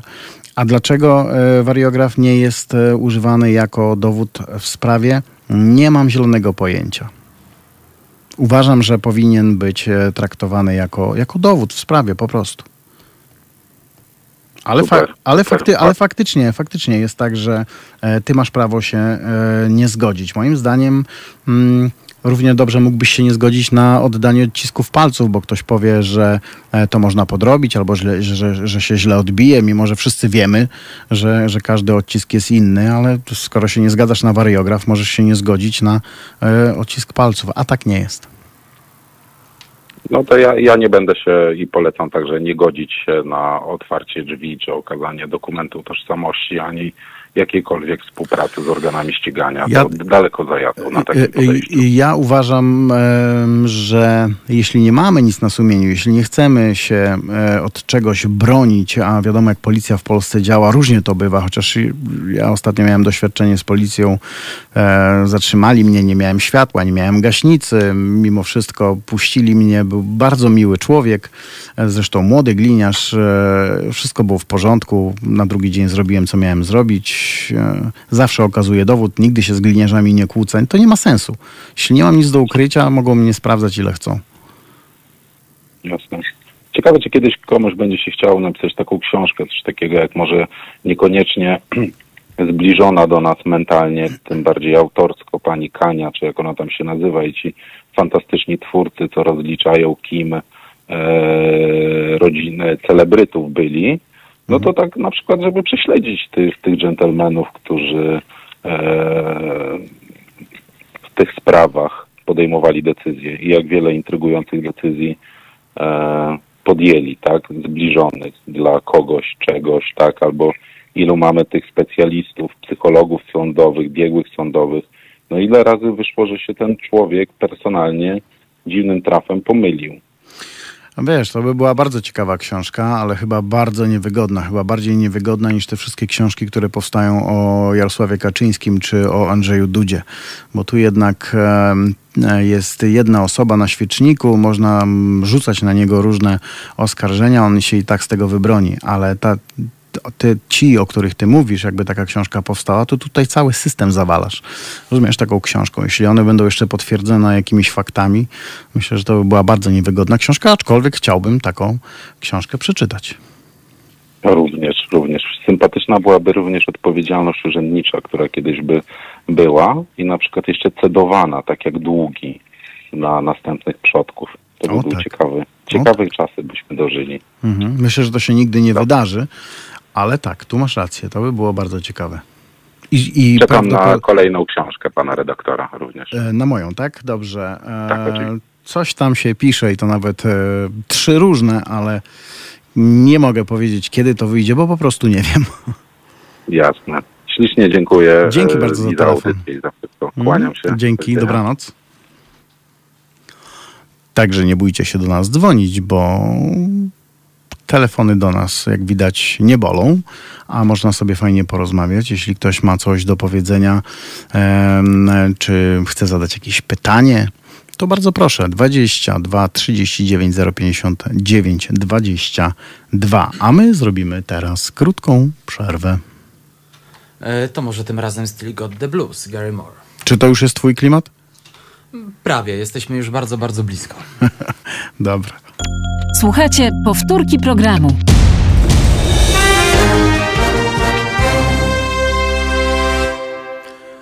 Halo Zbrodnia w Halo Radio 23 września 2020 roku godzina północ i 33 minuty Iwo Wuko z tej strony dla Was i Filip na klawiaturze tam ogarnia i, i odbiera telefony od Was, więc e, dzwońcie. Ktoś tu zapytał co mam na głowie, nie wiem, jakiś beret sobie nałożyłem tak dla hecy, żeby było śmiesznie. Mm. Jak już mówiłem wam o tym ochroniarzu, o tej kobiecie porwanych ponoć przez e, e, policjantów. E, kobieta, mam wrażenie, że oni chronili tego Irka. Bo jeśli już tam naprawdę jakiś Irek się pojawił, to prędzej bym celował w tego Irka, niż w tego, który zaszedł na ławie oskarżonych. Em, 15 marca 2018 roku do mecenas Szymeckiej, czyli mecenas rodziny zamordowanej dziewczyny, wpłynął mail zatytułowany e, w sprawie sprzed lat pilne, podpisany DS. Tam się pojawiało pełne imię, nazwisko, my powiemy sobie DS. Pisze w nim tak, to jest pisownia oryginalna. W ostatnich dniach wrócił temat dawnej zbrodni. Wiem, że jest pani pełnomocnikiem rodziny. Zacznę, że osobiście nie znam rodziny e, Małgosi. Jej samej też nie miałem nigdy prawa poznać, jednak mieszkam dość niedaleko, we wsi mm, i tutaj wy, wypikane. Pracuję w dość specyficznym miejscu, tutaj też nie podamy adresu. Tutaj dość dużo mówi się o sprawie. Większość naszych pracowników pochodzi z okolicy. Czy w sprawie była mowa o osobach Arkadiusz M., Ryszard S. i Marcin Eł? Każda z tych osób w tamtym czasie miała wpływowych rodziców, jako że szefowie znają się z większością z tych osób, poniekąd dwie z nich pracują w tej samej e, branży. Nie chcę na razie pisać więcej w tej sprawie, ale proszę zainteresować się tymi osobami. O Arkadiuszu M. E, mówi się u nas najwięcej. Większość osób e, na wsi po cichu wymieniałaby jego nazwisko, ale w tamtych czasach ludzie podobno bardzo się bali jego ojca. Przeszedł nawet operację szczęki. Podobnie, po, potocznie mówi się, że po prostu ma całkiem nową. Operacja przeprowadzona za granicą. Podobnie jest on tym najważniejszym w tej sprawie, ten, który ma szerokie plecy. Chcę tylko pomóc, ale wiem, że są na wsi osoby, które na 100% powiedziałyby to samo w tej sprawie. I zaraz do tego wrócę, ale mamy e, telefon, więc pozwolę sobie teraz na rozmowę z naszym e, gościem. A halo, dobry wieczór. Z kim mam przyjemność? Dobry wieczór Panie Iwo, Maciej z tej strony Cześć, i Maciej. witam serdecznie wszystkich e, nocnych marków, którzy słuchają tej jakże zacnej audycji kryminalno-horrorowej, jeśli tak to mogę nazwać. Super. Swoją drogą pierwszy raz do Pana dzwonię i jestem i to jest dla mnie wielki zaszczyt, że mogę z tak zacną osobą jak Pan porozmawiać. Ach, przestań. Odnośnie sprawy y, Tomasza Komendy. Sprawa Tomasza Komendy, jak się nie mylę, była nawet w wydaniu magazynu kryminalnego Telewizyjne Biuro Śledcze. Był taki konkurencyjny magazyn z kultowym już 997. Aha. Ten materiał nawet jest w internecie i prowadził go chyba nieżyjący pan Tadek Szymków. I zapamiętałem najbardziej z tego te jego słynne słowa, że powiedział coś takiego, cytuję. Wy, którzy to zrobiliście, strzeżcie się. Prędzej czy później złapiemy was. Niestety chyba te słowa mm, nie spełniły się, co jest e, tak jakby można powiedzieć mm, tragiczne, bo sprawa Tomasza Komendy, w ogóle sprawa śmierci 15-letniej Małgosi, ona chyba Kominek się nazywała, jeżeli, Nie, nie, nie. pamięć nie In, inaczej. Inaczej. Tak. Mhm, rozumiem. To, to jest tak jakby jedna z największych, mm, nie wiem czy to będzie adekwatne słowo, ale porażek polskiego wymiaru sprawiedliwości i porażek polskiej policji, bo tych porażek jest coraz, jest bardzo, bardzo dużo. Chociażby sprawia, sprawa, słynna sprawa zabójstwa Iwony Cygan z roku 2000, swoją drogą rok przed moimi narodzinami. I też sprawa zaginięcia dziennikarki z Łodzi, Iwony Mogiły Lisowskiej. Mhm. Sprawa nie została do dnia dzisiejszego rozwiązana. Mówi się, że mąż jest podejrzewany w tej, podejrzany w tej sprawie, ale no niczego mu nie, nie udało mu się udowodnić, mimo tego, że nawet magazyn 997 e, wielokrotnie już e, próbował powrócić do tej sprawy, ale jest tak jakby dalej w martwym punkcie. To jest zresztą straszne, ale też już z naszego nowego tysiąclecia to też słynna sprawa zabójstwa tej młodej dziewczyny chyba w Kołobrzegu w trakcie tego słynnego festiwalu Sunrise, gdzie też nie wiadomo co się właściwie stało, kto ją zabił, dlaczego i czy kiedykolwiek uda się odnaleźć sprawców tych yy, potworności, jeśli tak to można nazwać. Swoją Mhm. drogą zastanawiam się tylko, czy kiedykolwiek y, dojdzie do czegoś takiego, że zlikwiduje się coś takiego jak przedawnienia, bo uważam, że dla mnie największą głupotą jest coś takiego, że dochodzi do przedawnień w polskim sądownictwie, w ogóle w polskim wymiarze sprawiedliwości. Uważam, że czegoś Znaczy, z tego, takiego co- nie powinno być. Z tego co wiem, po to powstało Archiwum X, które mm, niby sprawa jest przedawniona lub zamknięta. Ona trafia do tego Archiwum X, ale zawsze można do niej wrócić i zawsze można ją otworzyć na nowo. To, że sprawa zostanie przedawniona w dzisiejszych czasach, w dzisiejszym e, prawie, tak naprawdę nic nie znaczy. Myślę, że to Archiwum X e, powstało po coś i słusznie, że powstało. Ona tak do końca e, nie będzie nigdy zamknięta, nigdy mm, wycofana z, z, z, z, ze spraw, którymi się zajmują e, policjanci. A szczególnie w, tym, w tej jednostce z Archiwum X. Więc No głównie słyną z takiego profesjonalizmu, że tak jakby dokonują tak jakby wszelkich starań, żeby odnaleźć osoby podejrzewane o dokonanie przestępstwa, takiego można powiedzieć już grubego kalibru, kolokwialnie mówiąc. No ale w ogóle bardzo się interesuję historią polskiej kryminalistyki przestępczości zorganizowanej, a zwłaszcza przestępczo- z gangami, no, słynna grupa pruszkowska, wołomińska, ale mm, Mam taką, takie pytanie i jednocześnie taką propozycję. Czy będzie szansa na audycję poświęconą pewnej knidzie porównywalnej do słynnego Anatolia Onoprienki, który swoją drogą był tydzień temu, zwłaszcza, że też prosiłem na czacie, żeby była audycja o nim poświęcona. Czy będzie audycja poświęcona yy, Chikatiło? Chikatiłowowi, czy jak się odmienia myśmy, jego myśmy ws- wspominali chyba o Chikatiło, e, Chikatiło w, w momencie chyba prowadzenia programu o e, Onoprienko, prawda? To też e, ukraiński seryjny zabójca z tego co kojarzę, tak? Tak, też, to była też bestia ukraińska, można powiedzieć, ale no też jest warta uwagi, bo to był naprawdę chory człowiek, po prostu E, jedna Myślę, myślę, że tak. Myślę, że jeśli jest zainteresowanie tą osobą, to dlaczego nie? No, na pewno zrobimy. Mhm. Przed nami jeszcze chyba wiele wieczorów, nic mi nie wiadomo, czy tam nocy, nic mi nie wiadomo o tym, e, żebyśmy mieli zostać zdjęci, no chyba, że czegoś nie wiem. Panie Iwo, mam nadzieję, że nie zostaniecie zdjęci, zwłaszcza, że to jest chyba jedna z najlepszych audycji. No, no, audycja Padre Wątłego to no to wiadomo, no to też jest wyczes, ale brakowało właśnie w Halo Radio takiej audycji, takiej, no dla nocnych marków można powiedzieć, taka krwista, taka bardzo mocna i z tego się naprawdę mega cieszę.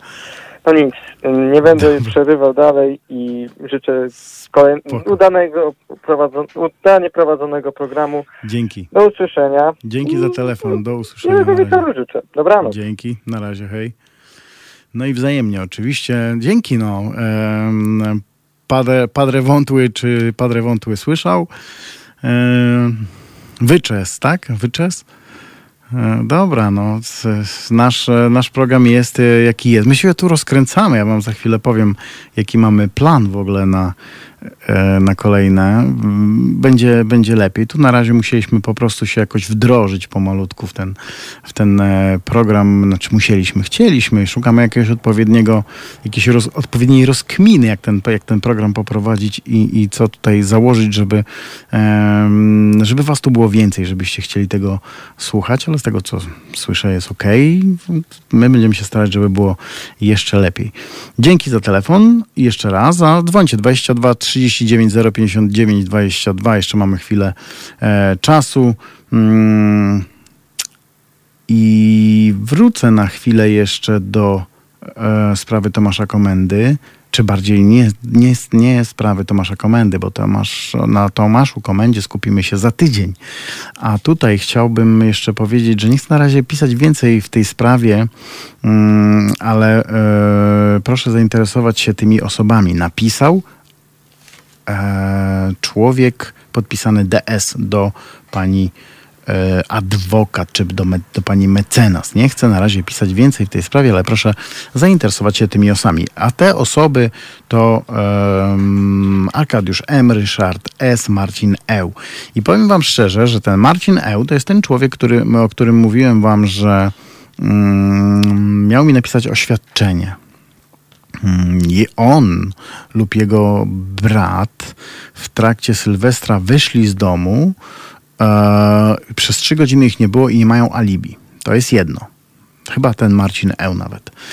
E, to jest jedno. Drugie, że cała wioska huczy o tym, że to, był, e, że to byli ci trzej. Jeden z nich to jest ten, który nie żyje, drugi wyjechał, trzeci zresztą też wyjechał. Sprzedał bodajże biznes albo oddał komuś z rodziny i wyjechał za granicę. Nie napisał mi tego oświadczenia, które miał napisać, ale cóż, sprawa w ich kontekście nigdy nie będzie rozwiązana. W, w, z ich perspektywy prawdopodobnie jest zamknięta.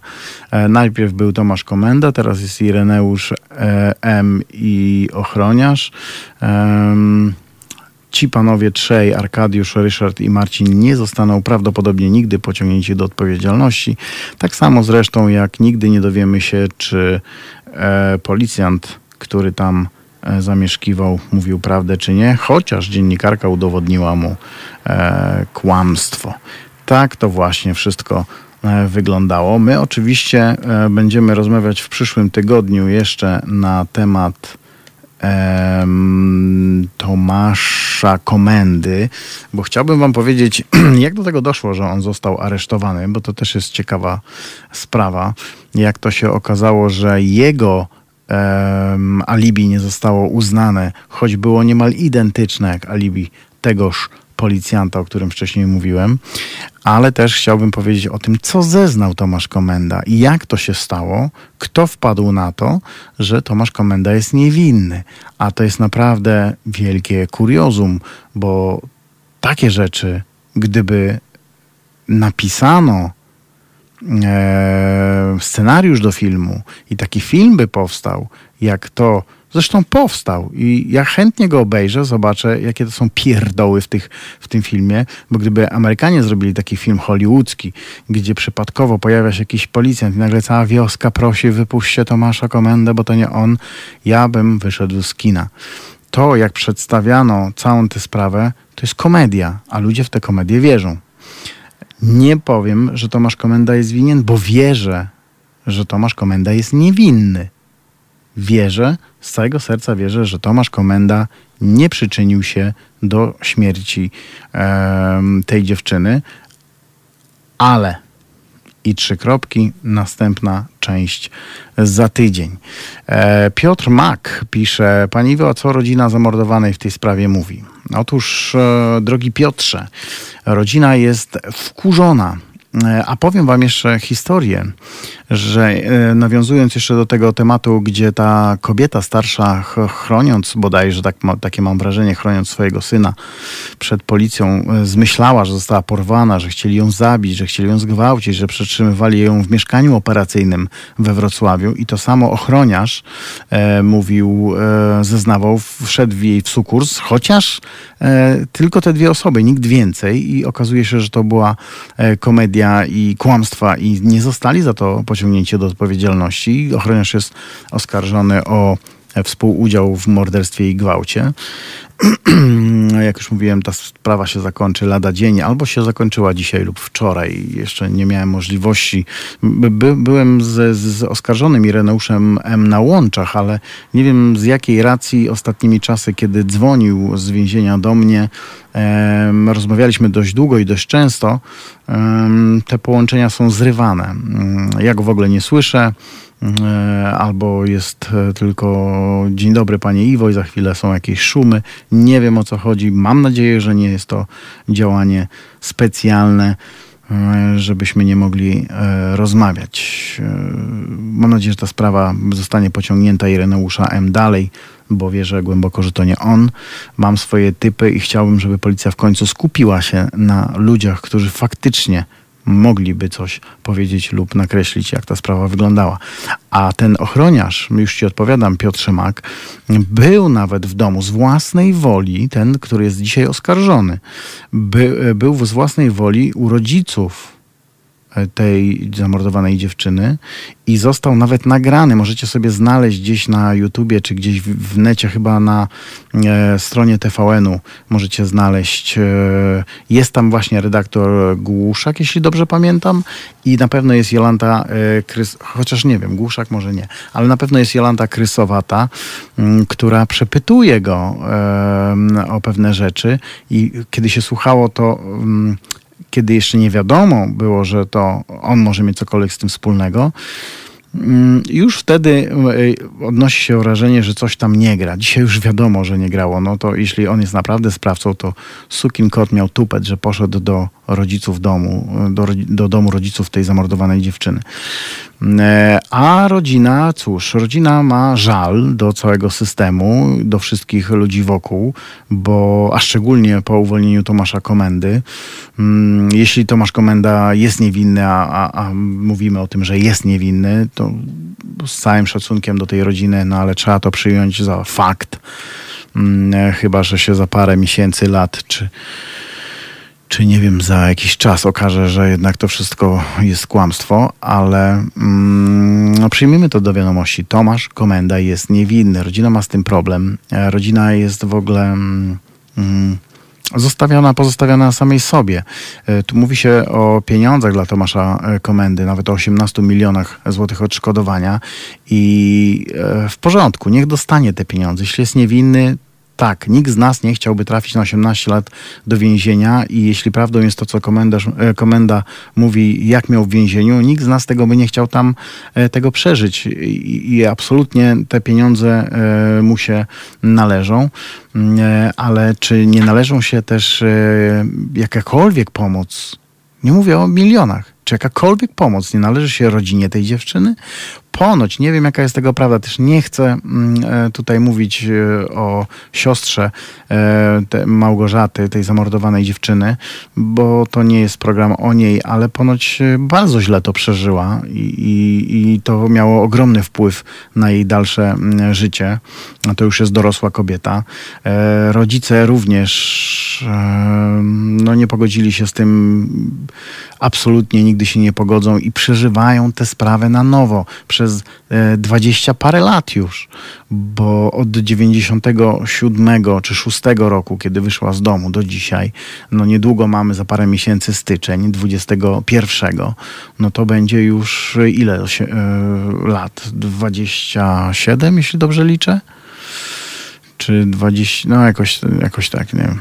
Policzcie to za mnie, bo ja już jestem na wyczerpanych bateriach, ale e, no to już jest e, z pewnością trzecia dekada i za każdym razem muszą przeżywać to samo.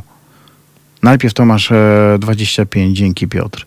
Najpierw e, mamy mm, e, śledztwo, nieudolne śledztwo, m, gdzie rodzice m, pełną parą szli w to śledztwo. M, Ta sukienka została do nich em, zwrócona jako dowód. Dowód został zwrócony rodzicom. Potem ta sukienka jest kolejny raz brana jako, jako dowód od nich. E, Policja robiła takie błędy. Nie wiem, czy to było z premedytacją, czy nie. E, O wszystkim wam nie mogę powiedzieć, bo nie mamy tyle e, czasu, ale sięgnijcie po książkę. Mm, Sprawa Tomasza Komendy, ofiary systemu, sprawa Tomasza Komendy.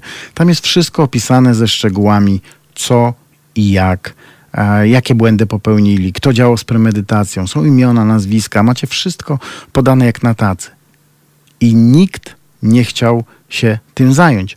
Chociaż ten oskarżony Ireneusz M., któremu wierzę, kiedy mówi, że tego nie zrobił, e, bo moje śledztwo pokrywa się z tym, co on mówi, miał kiedyś adwokata, e, który no, w pewnym momencie musiał zrezygnować z przyczyn e, prywatnych, ale mm, chciał nawet tę książkę wziąć jako dowód jako dowód w sprawie wykorzystać e, wszelkie te zapisy, które w książce się znalazły. To miało mu pomóc. Nowy adwokat tego nie zrobił, nie wiem dlaczego, a może zrobił, ale mnie nie powiadomił. Tam jest mnóstwo rzeczy, e, włącznie z, z samochodami. Jest biały maluch, e, pojawiający się w trzech różnych e, miejscach i trzech różnych gwałtach. Nikt tego nie zbadał. Białe Audi też nikt tego nie zbadał.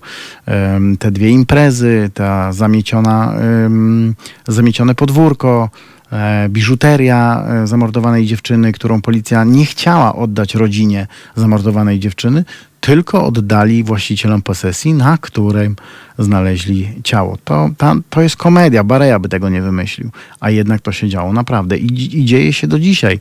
Ja jestem przekonany, że oni wsadzą tych dwóch ludzi. Co do ochroniarza, okej, stoję po stronie em, organów ścigania, jestem przekonany, że ten facet ma coś z tym wspólnego, ale nie Ireneusz M. do diaska. Ten facet jest absolutnie niewinny tej zbrodni. Możecie go sobie wsadzać za cokolwiek tam chcecie wsadzać i tak już siedzi i tak. Ale e, z pewnością nie brał e, udziału w ani w gwałcie, ani w morderstwie tej e, dziewczyny. A facet będzie miał przesane, bo go zamkną. A za 20 lat czy za 15 lat redaktor Głuszak napisze o nim książkę i też powie, że bez przeprosin powie, że jednak uratował mu dubsko, chociaż szkaluje go na każdym kroku, twierdząc, zanim został skazany, twierdząc, że on jest winny, na co zwracałem mu zresztą uwagę, że nie powinien tak mówić, dopóki nie zapadnie oficjalny wyrok. To tak pokrótce e, ta sprawa. Nie jestem naprawdę w stanie wam nakreślić całej tej historii, musicie sami sobie przeczytać, ale wrócę do Tomasza Komendy za tydzień, dlatego że chciałbym wam po, po, pokazać, jak to wszystko wyglądało i jakie to było absolutnie, mm, e, jak to mówią, mówią młodzi, z dupy. Po prostu. E, Gdybyśmy my, ktokolwiek z nas, znalazł się w takiej samej sytuacji, uwierzcie mi, nie macie szans na obronę, bo to, co wywinęli Tomaszowi Komendzie, to się w głowie nie mieści. Podstawieni świadkowie, e, zeznania.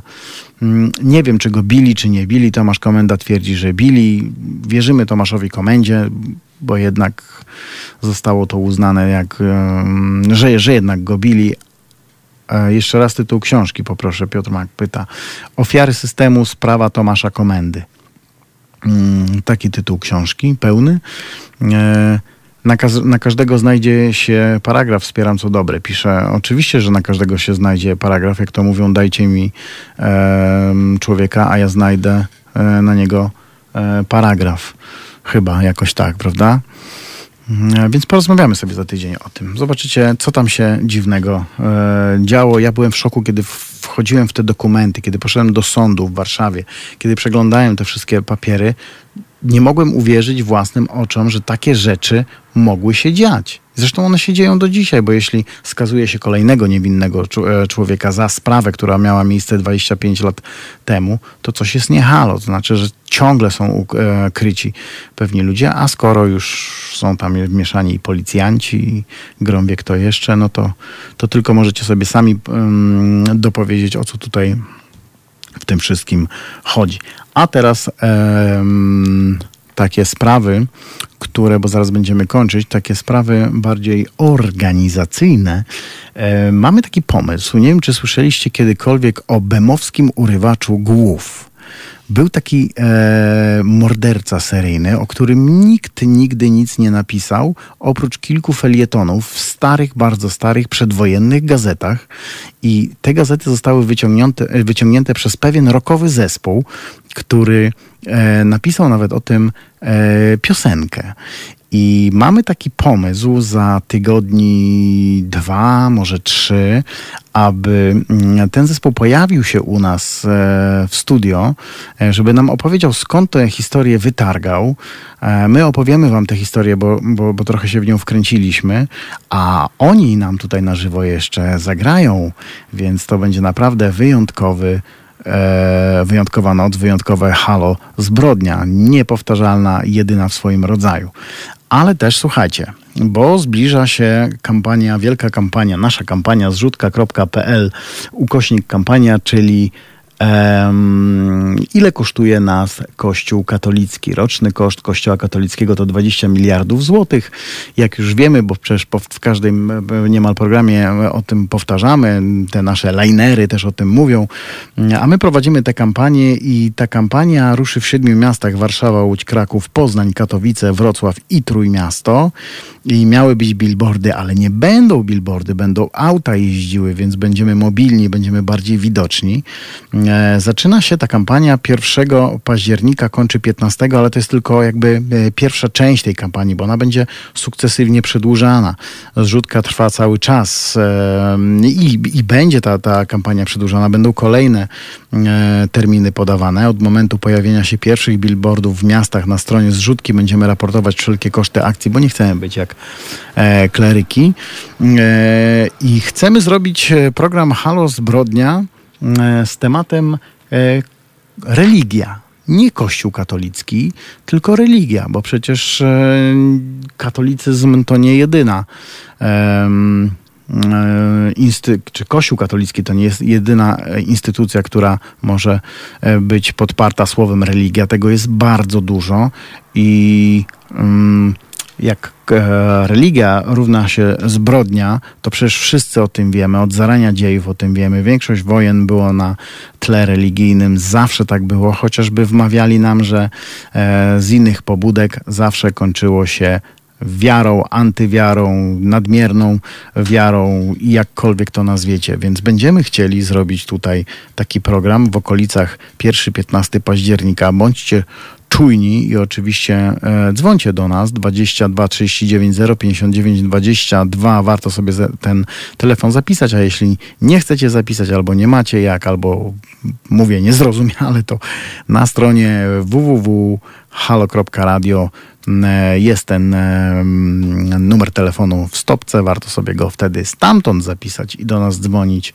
za każdym razem, kiedy prowadzimy ten e, program Halo Zbrodnia i rozmawiać z nami, no bo o to tutaj w tym wszystkim chodzi. Ja wam nakreślam jakąś tam sprawę, wy do mnie dzwonicie, gadamy sobie i e, jakoś to się fajnie e, kręci, a takie sprawy trzeba poruszać. Ja myślę, że ten program jest spoko, chociaż będziemy chcieli go rozkręcać i, i robić więcej, lepiej i tematy, które, e, które nie są oklepane w mediach. Chcemy mieć swój własny flow w tym programie. Dobra, to musimy już teraz kończyć. Ja się z Państwem żegnam. Filip się z Państwem również żegna. Już zasypia. Tutaj jest od południa. Mm, Młody chłopak powinien się wyspać, a nie się szlajać po radiach i po, teraz po Warszawie się będziesz szlajał. E, Do zobaczenia w niedzielę od 11 do 13 w Halo tu się czyta i za tydzień oczywiście e, w Halo Zbrodnia od 23 do 1. Dziękuję i do usłyszenia.